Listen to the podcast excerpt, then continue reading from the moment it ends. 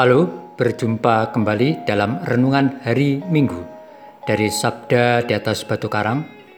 Bersama saya Antonius Madi dari Paroki Maria Bunda Segala Bangsa, Kota Wisata, Kuskupan Bogor.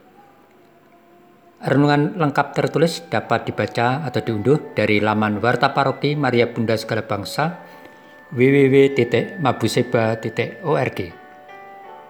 Saudara-saudari yang terkasih, Hari ini Minggu tanggal 14 November adalah hari biasa pekan ke-33. Bacaan-bacaan kitab suci pada hari ini, bacaan pertama diambil dari nubuat Daniel, pasal 12 ayat 1 sampai 3. Bacaan kedua dari surat kepada orang Ibrani, pasal 10 ayat 11 sampai 14, diakhiri ayat 18. Dan bacaan Injil suci dari Injil Markus pasal 13 ayat 24 sampai 32. Tema renungan kita hari ini berjaga-jaga dalam pengharapan. Mari kita dengarkan bacaan Injil suci. Sekali peristiwa dalam khotbahnya tentang akhir zaman, Yesus berkata kepada murid-muridnya, "Pada akhir zaman, sesudah siksaan-siksaan yang berat, matahari akan menjadi gelap dan bulan tidak bercahaya dan bintang-bintang akan berjatuhan dari langit dan kuasa-kuasa langit akan goncang. Pada waktu itu orang akan melihat anak manusia datang dalam awan-awan dengan segala kekuasaan dan kemuliaannya. Dan pada waktu itu pun ia akan menyuruh keluar malaikat-malaikatnya dan akan mengumpulkan orang-orang pilihannya dari keempat penjuru bumi, dari ujung bumi sampai ke ujung langit. Tariklah pelajaran dari perumpamaan tentang pohon ara. Apabila ranting-rantingnya melembut dan mulai bertunas, kamu tahu bahwa musim panas sudah dekat. Demikian juga jika kamu lihat hal-hal itu terjadi, ketahuilah bahwa waktunya sudah dekat, sudah diambang pintu. Aku berkata kepadamu, sesungguhnya angkatan ini tidak akan berlalu sebelum semuanya itu terjadi. Langit dan bumi akan berlalu, tetapi perkataanku tidak akan berlalu tetapi tentang hari atau saat itu, tidak seorang pun yang tahu. Malaikat-malaikat di surga tidak, dan anak pun tidak, hanya Bapa saja. Demikianlah sabda Tuhan. Terpujilah Kristus. Saudara-saudari yang terkasih, baru-baru ini kita dikejutkan dengan berita bencana seperti banjir bandang di Batu, Malang, atau kecelakaan yang merenggut korban jiwa. Tentu banyak peristiwa lain yang mencemaskan atau menakutkan bagi siapa saja yang mengalami dan menyaksikan. Peristiwa-peristiwa yang mencemaskan atau menimbulkan ketakutan itu bisa menimpa siapa saja dari kita. Kita pasti takut akan kematian, karena apa? Karena kita belum siap untuk mengalami matahari yang menjadi gelap dan bulan tidak bercahaya dan bintang-bintang akan berjatuhan dari langit dan kuasa-kuasa langit akan guncang. Sebagaimana kita dengarkan dalam bacaan Injil tadi. Saudara-saudari yang terkasih, kita bisa membayangkan berada di tempat yang sangat gelap tidak ada satu cahaya pun. Tentu suasana demikian sangat mencekam dan menakutkan kita. Itulah gambaran tentang akhir dunia sebagaimana yang Yesus sabdakan hari ini. Memperbincangkan tentang akhir zaman memang sedap-sedap mengerikan. Banyak para saintis, paranormal, atau film fiksi seperti antara lain yang berjudul The Beginning of the End yang sudah mencoba meramal, memprediksi, atau menggambarkan terjadinya akhir dunia, namun toh semuanya tidak terbukti. Sebagaimana disabdakan oleh Yesus dalam bacaan Injil pada hari Minggu biasa pekan ke-33 ini, bahwa tidak seorang pun tahu kapan akhir zaman itu akan terjadi.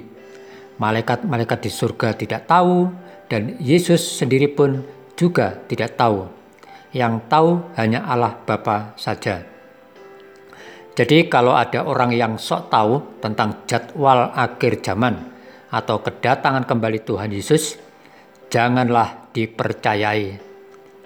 Peristiwa akhir zaman itu adalah misteri iman yang besar. Hanya Allah saja yang punya otoritas. Namun demikian, tentu kita boleh bertanya kepada Tuhan, untuk apa atau apa maksud Tuhan hari ini memberi pengajaran tentang akhir zaman dan kedatangannya kembali? Dan mengapa gambaran akhir zaman itu begitu seram dan menakutkan kita? Saudara-saudari yang terkasih, tentu saja Yesus mempunyai tujuan baik bagi kita atas pemberitaan tentang tanda-tanda akhir zaman. Dengan mengungkapkan atau menyebutkan tanda-tanda itu, tidak lain dan tidak bukan adalah supaya kita senantiasa berjaga-jaga dan berpengharapan akan Tuhan. Sebab kelak di saat Tuhan datang lagi, maka kita bisa tergolong orang yang mendapatkan hidup yang kekal atau sebagian lain akan mengalami kehinaan dan kengerian yang kekal sebagaimana yang digambarkan dalam bacaan pertama. Sebagai orang beriman, pastilah kita berharap untuk bisa hidup kekal dalam kemuliaan Allah. Kalau memang hal itu yang kita harapkan, lalu apa yang harus kita lakukan? Saudara-saudari yang terkasih, baik bacaan pertama maupun Injil pada hari ini memberi peringatan kepada kita tentang gambaran tanda-tanda peristiwa yang akan terjadi di akhir zaman. Sebagai orang beriman, kita percaya saja dengan penuh iman akan sabda Tuhan hari ini tentang tanda-tanda untuk akhir zaman itu. Namun, gambaran-gambaran yang kita dengarkan dalam bacaan hari ini janganlah membuat kita takut berlebihan. Seperti halnya kalau kita hendak menyambut tamu penting, tentu kita persiapkan banyak hal, tidak saja yang sifatnya lahiriah, tetapi juga batin atau suasana hati kita. Dalam hal menghadapi akhir zaman, yang utama adalah bahwa bagaimana kita jadikan hari-hari selama kita hidup sekarang ini adalah hari-hari persiapan diri kita untuk menyambut Tuhan. Misalnya saja dengan terus-menerus memperbaiki diri dari sikap perbuatan keberdosaan, meningkatkan relasi pribadi dengan Tuhan lewat doa, mati raga, mendalami kitab suci, berbuat amal baik bagi sesama dengan tulus hati, dan sebagainya. Itulah cara kita berjaga-jaga dengan penuh iman dan harapan akan keselamatan kekal. Dengan mengikuti bimbingan Roh Kudus, kita akan memahami dan mampu melakukan kehendak dan sabda Tuhan hari ini.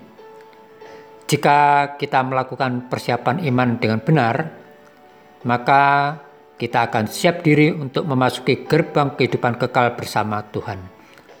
Sebagaimana Tuhan telah sabdakan bahwa walau langit dan bumi akan berlalu, tetapi perkataan Tuhan tidak akan berlalu.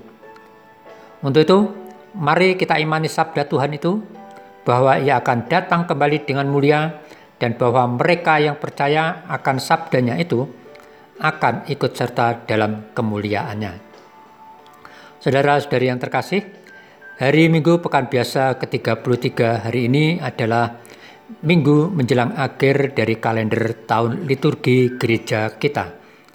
Hari Minggu depan, kita akan mengakhiri kalender iman kita dengan merayakan Hari Raya Kristus Raja Semesta Alam.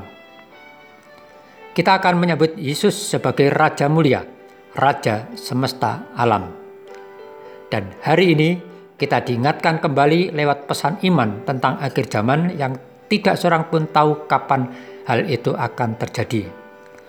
Walau demikian, sebagai murid Tuhan, hendaknya kita tetap sadar iman, jangan sampai ketika Tuhan datang, Tuhan mendapati kita sedang tidur, merasa diri aman-aman saja, tidak mau berjaga-jaga atau bermalas-malasan, apalagi cuek atau tidak peduli dengan kedatangan Tuhan kita. Saudara-saudari yang terkasih, semoga sabda Tuhan hari ini membuat iman kita semakin kuat dalam pengharapan untuk menyambut kedatangan kembali Yesus, Sang Raja semesta alam, dengan sikap iman dan pengharapan akan hidup seturut kehendak Allah. Semoga dengan bimbingan Roh Kudus, kita mampu mengubah hidup kita saat ini untuk kelak bersinar bagaikan matahari dan kekal bersama Allah. Mari kita terus berjaga-jaga dalam pengharapan akan hidup dalam keselamatan kekal bersama Allah. Amin. Semoga Tuhan memberkati kita dan selamat berhari Minggu.